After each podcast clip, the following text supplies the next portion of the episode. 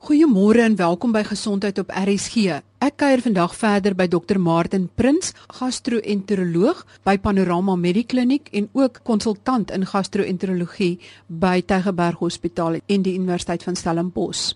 Ons het verlede week gefokus op wat soeibrand is, hoe dit werk En ons het ook gekyk na hoe dit met medikasie behandel kan word en veral dan met die protonpomp inhibitore, die PPI's wat die dokters van praat. Gaan luister gerus op potgooi na verlede week se program as jy daardie basiese inligting benodig. Gaan kyk ook op www.rsg.co.za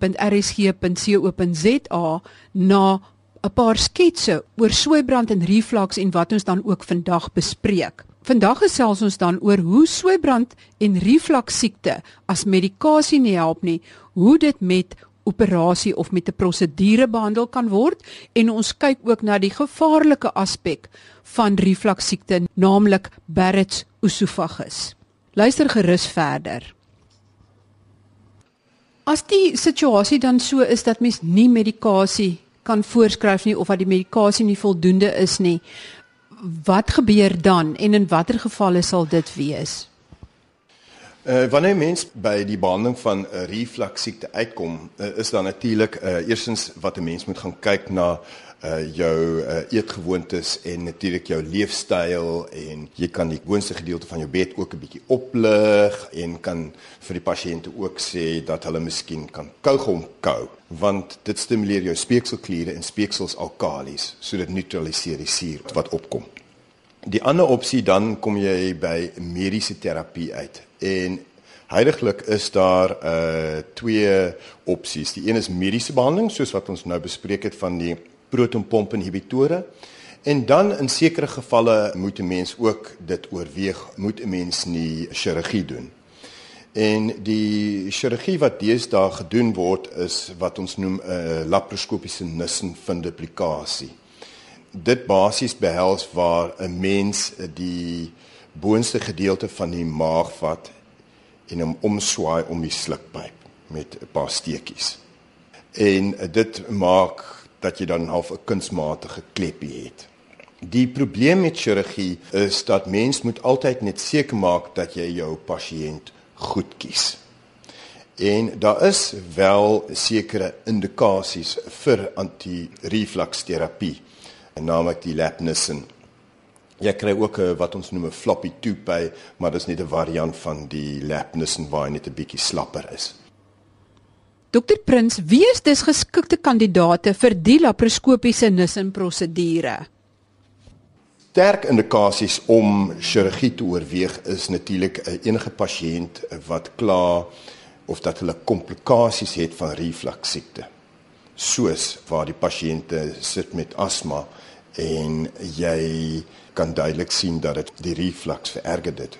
Maar daar's nog nooit uh, studies wat dit oortuigend kon bewys en die teorie agter hoe reflux asma veroorsaak is dat jy kan eers 'n direkte spoeling kry in die longe dat dit heeltemal opgaan by die slukpyp of die tweede teorie is dat as gevolg van die reflux in die maag dat jy kry 'n vagale respons wat dan gemanifesteer word as uh, die longe wat toetrek. So as jy komplikasies het van reflux siekte, soos 'n struktuur of ulkus of asma, dan moet 'n mens sterk oorweeg moet jy 'n anti-reflux prosedure doen. Natuurlik ons praat ook van pasiënte wat ons noem volume refluxes. En dit is waar die mense vir jou sal duidelik beskryf, maar Martin, die kos of die water kom sommer op in my keel. En dit is ook per se 'n indikasie. En dan in sommige gevalle ook waar mense begin praat oor kostes van die PPI's. Maar die PPI's, uh, daar's 'n hele rits nou van generiese middels op die mark en die pryse het ook dramaties afgekom. As mens kyk na watter pasiënte die beste kans op sukses het, watter pasiënte sal jy dan vir chirurgie stuur? Dan praat ons van prognostiese faktore dit sal dinge wees wat jy kan bepaal van die geskiedenis wat vir jou sê dat die pasiënt is 'n geskikte kandidaat vir chirurgie. Uh seker een van die belangrikste prognostiese faktore vir reflux siekte wat jy pasiënt oorweeg vir chirurgie is wat is die pasiënt se respons teenoor medikasie. In ander woorde, hy was nou vir 'n maand op 'n PPE, wat was sy respons? As die pasiënt vir jou sê hy het 'n uitstekende respons, dan gaan hy heel waarskynlik baat by chirurgie. Maar as jy 'n pasiënt het wat sê Martin, die medikasie het glad nie vir my gehelp nie, dan moet jy liewerste nie daai pasiënt stuur nie. Die tweede uh, prognostiese faktor is as jy iemand skoop en hulle het daai erosies aan die onderkant van die slukpyp, weet ons daai pasiënte sal ook beter doen. Die derde prognostiese faktor is dat as jy uh, 'n uh, pasiënt het met uh, 'n uh, mantelvliesbreuk of 'n hiatusbreuk en hy is betekenisvol groot, daai pasiënt sal ook baat. Die vierde groep is in enige pasiënt wat jy oorweeg om vir chirurgie te stuur, moet 'n mens altyd 'n ondersoek doen wat ons noem manometrie. En manometrie is essensieel 'n kateter wat ons by die neus afsit tot in die maag en hy kan drukke meet. En want hy kan dan vir jou sê is daar enigstens fout met die samentrekking van die slukpyp? Wat is die klepdruk? En verslap hy op die toepaslike tyd soos wanneer kos daar aankom? En hy kan ook vir jou sê as jy 'n breek het, hoe groot is die breek? En as jy sien dat daai pasiënt duidelik uh, 'n baie lae wat ons noem lae esofagale swinkte druk het, dan sal daai pasiënt ook jy waarskynlik baat by chirurgie. Die vyfde prognostiese faktor is waar jy pasiënte het wat onderliggend ook 'n prikkelbare darm het of irritable bowel syndrome of jou ander groep van pasiënte wat nou nie daai seertjies het nie wat ons praat van nie erosiewe reflux siekte. Dink net baie sterk of jy die pasiënt gaan opereer ja of nee. Want dit is duidelik bewys in pasiënte onderliggend met prikkelbare darm of nie erosiewe reflux uh, siekte dat hulle prognose na chirurgie is nie so goed soos die ander mense se nie. Dit is ook verskriklik belangrik dat wanneer 'n mens chirurgie oorweeg, dat jou pasiënt by 'n ervare chirurg uitkom, want dit is duidelik bewys daar is 'n korrelasie tussen die sukses van die operasie met die tegniek en die ervaring van die chirurg. Sou jy sê dat as een gastro-enterologe operasie aanbeveel dat dit dalk 'n goeie idee is om 'n tweede opinie te kry? Ek het nie 'n probleem as die pasiënt 'n tweede opinie wil kry. Uh, ek dink hoe meer koppe hoe beter. Wat ons normaalweg doen is ons het elke 2 maande het ons 'n motiliteitsvergadering by Groot Skuur juis om pasiënte bespreek vir chirurgie. Want sommige kere is daar nogal druk van die pasiënt om die chirurgie te oorweeg. By die vergadering dan bespreek ons sulke pasiënte as ons nou het ondersoek gedoen het soos PA manometrie en endoskopie en ook barium slukke bespreek ons dit en dan het ons uh, gesamentlik besluit moet die pasiënt chirurgie oorweeg ja of nee? Want mens wil nie chirurgie onnodig gaan doen nie en dat die pasiënt na die chirurgie terug by jou kom en sê maar my simptome is niks beter nie want dit kan soms wel gebeur en dan is die pasiënt natuurlik hoogs ontevrede want nou het jy eintlik 'n prosedure onnodig gedoen. Daar sommige tye ook dat die chirurgie oorweeg word en die chirurgie word gedoen en dat die pasiënt eintlik soms baie moeilik sluk na die tyd. En ons het laas jaar het ons drie sulke pasiënte moes ons die wrap losmaak en dat die uh, pasiënt weer kon ordentlik sluk en dit. So hoe meer opinies, hoe beter. As dit 'n mantelvliesbreuk is, herstel jy dan die mantelvlies of skep jy weer so kunsmatige klep wat jy deeltjie van die maag om die uh, slukdarm vou? Uh, ja, 'n uh, mens sal altyd as jy 'n mantelvliesbreuk het, dit reduseer en dan doen jy die wrap. Dit is nou nie my ekspertise omdat ek nie 'n chirurg is, ek is 'n gastroenteroloog, maar mens probeer die mantelvlies reduseer. Dit kan soms ook 'n ander situasie skep wat ons wel soms sien is dat kyk 'n mantelvlies ontwikkel nie sommer oornag nie. Sommige pasiënte kan al vir jare daarmee rondgeloop het uh, en nou skielik meer bewus van hulle simptome is. En die probleem is dan praat ons ook van die probleem waar ons van praat die kort esophagus dat die esophagus is so in die borskas en om hom te reduseer kan soms baie moeilik wees vir die chirurg.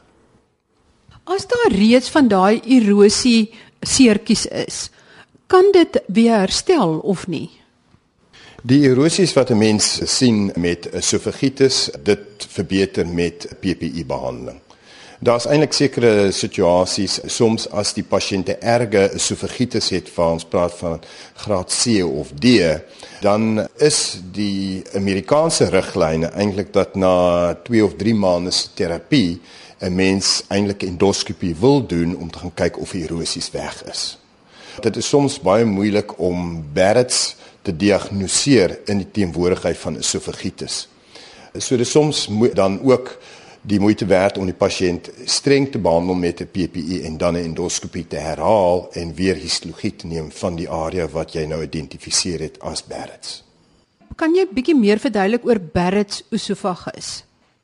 Barrett's is nie dieselfde as esophagitis. Esophagitis is waar jy klein erosies kry in die onderkant van die slukpyp wat jy waarskynlik direk verwant is aan die suur wat opkom. Barrett's is waar ons praat van dat ehm um, as ek dit in 'n leuke taal kan stel waar jy kry opwaartse migrasie van jou maagslijmvlies in die esophagus. So dit is nie dieselfde as esophagitis. Hoe 'n mens Barrett's diagnoseer is dat jy sien dit op endoskopie, maar dit moet bevestig word met biopsies. So tydens 'n gastroskopie as jy vermoed jy sien Barrett's moet 'n mens altyd biopsies neem. Die biopsies sal dan bevestig of jy Barrett's het. En dan wat baie belangrik is in hierdie pasiënte is om te gaan kyk in mediese terme wat ons noem displasie.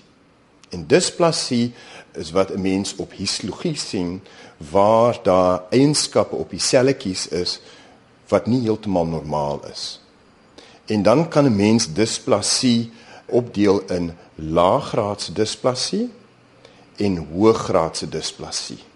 Nou hoëgraadse displasie is eintlik eh, die voorloper van wat ons noem 'n karsinoom in situ of 'n dis half tipe kanker amper. Die graad van displasie of die teenwoordigheid van displasie uh, sal dan bepaal wanneer jy weer 'n endoskopie doen. So ons sê as jy nou die biopsies teruggekry het en die pasiënt het Barrett's, dan sal 'n mens sê, okay, as daar geen displasie is, dan kan jy 'n gastroskopie herhaal oor 3 tot 5 jaar.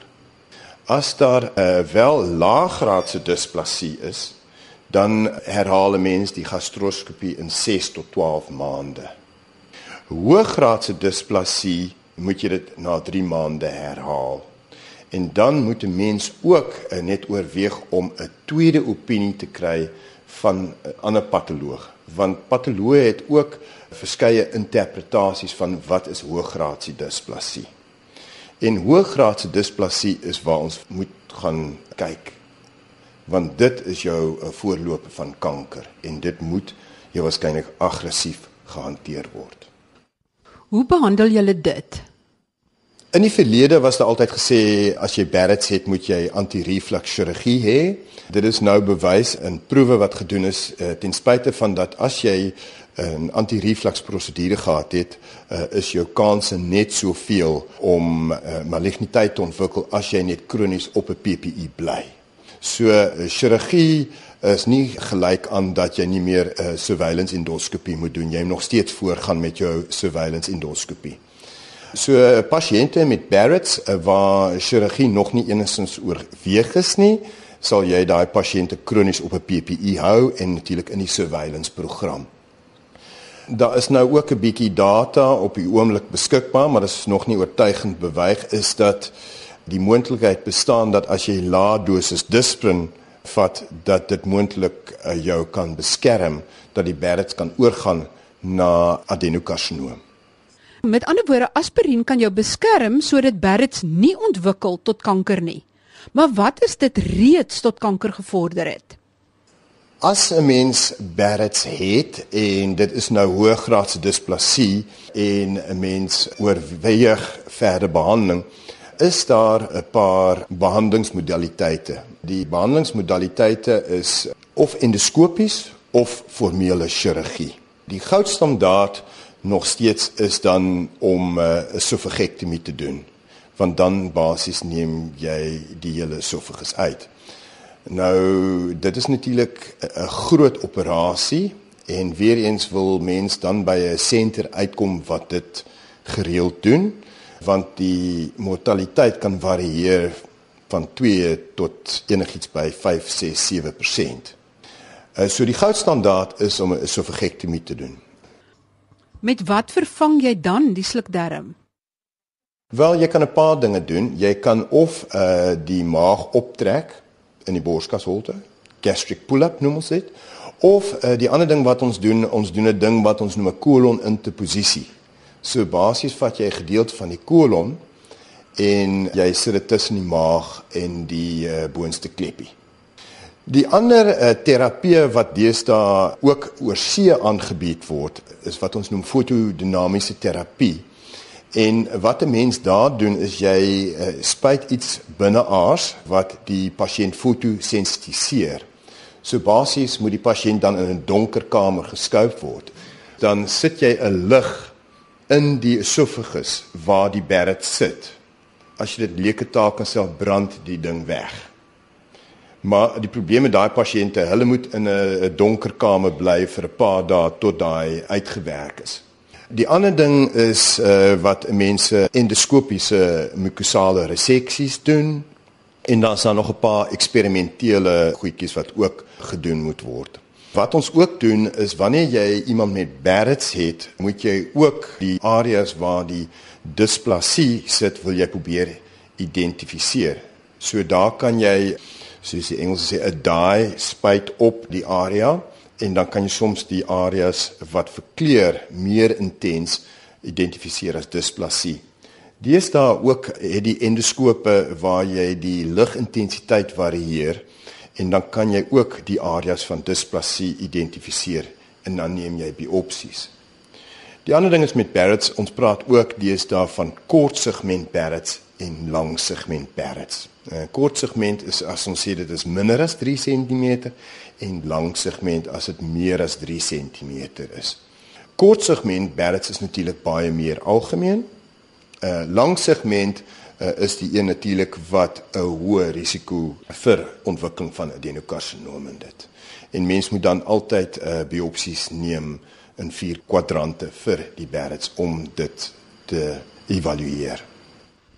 Is daar 'n verband tussen soeibrand, reflux en peptiese ulkus? Ek weet dit is peptiese ulkus is 'n onderwerp vir 'n ander keer. Ek wil net hoor is daar 'n verband tussen die probleme?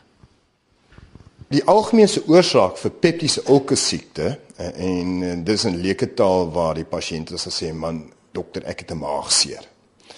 Peptiese ulkus siekte die algemene oorsaak daarvoor is nie steroïd anti-inflammatoriese middels en dan ook Helicobacter.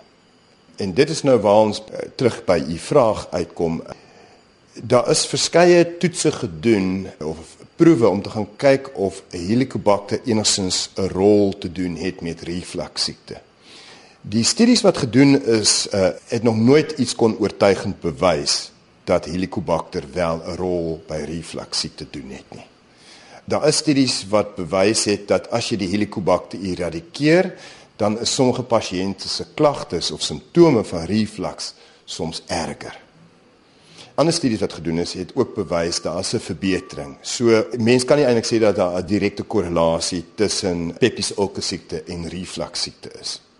Wat ons wel soms sien uh, en dit is nie eintlik 'n uh, direkte korrelasie tussen 'n uh, reflux siekte is dat by sommige pa pasiënte sal die pasiënt by jou uitkom en klaar oor soeibrand, maar ook uh, spesifiek borskaspyn. En dit het ek al 'n paar keer gesien dat sommige mense sal hulle medikasie op hulle nagkassie sit en dan net voordat hulle gaan slaap, dan uh, sluk hulle die pil. En as hulle nou enigstens 'n uh, esofagale dismotiliteit het, wat dan soms gebeur, is dan los die pil op in die esofagus. En dit kan dan esofagale ulkusse veroorsaak en ook erosies. En die algemene sonnebokke daarvoor is waar ek van die meeste gesien het is uh, mense wat na 'n area gaan waar daar malaria is en nou neem hulle malaria profylakse. En dan sit hulle die pilletjie op die nagkassie en dan neem hulle dit net voor hulle dit slaap.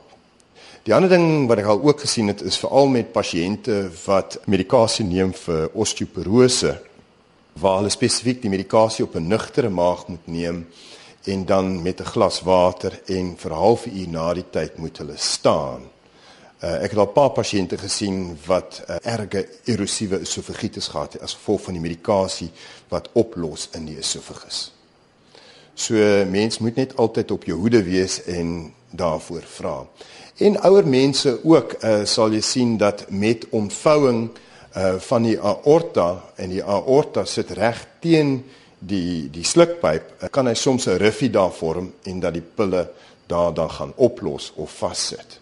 So ons sê altyd vir ons pasiënte lieweste staan en jou medikasie neem met 'n glas water en nie net voordat jy gaan slaap nie. Baie dankie dokter Prins, dit is waardevolle inligting. As jy 'n laaste finale boodskap het vir luisteraars, wat sal dit wees?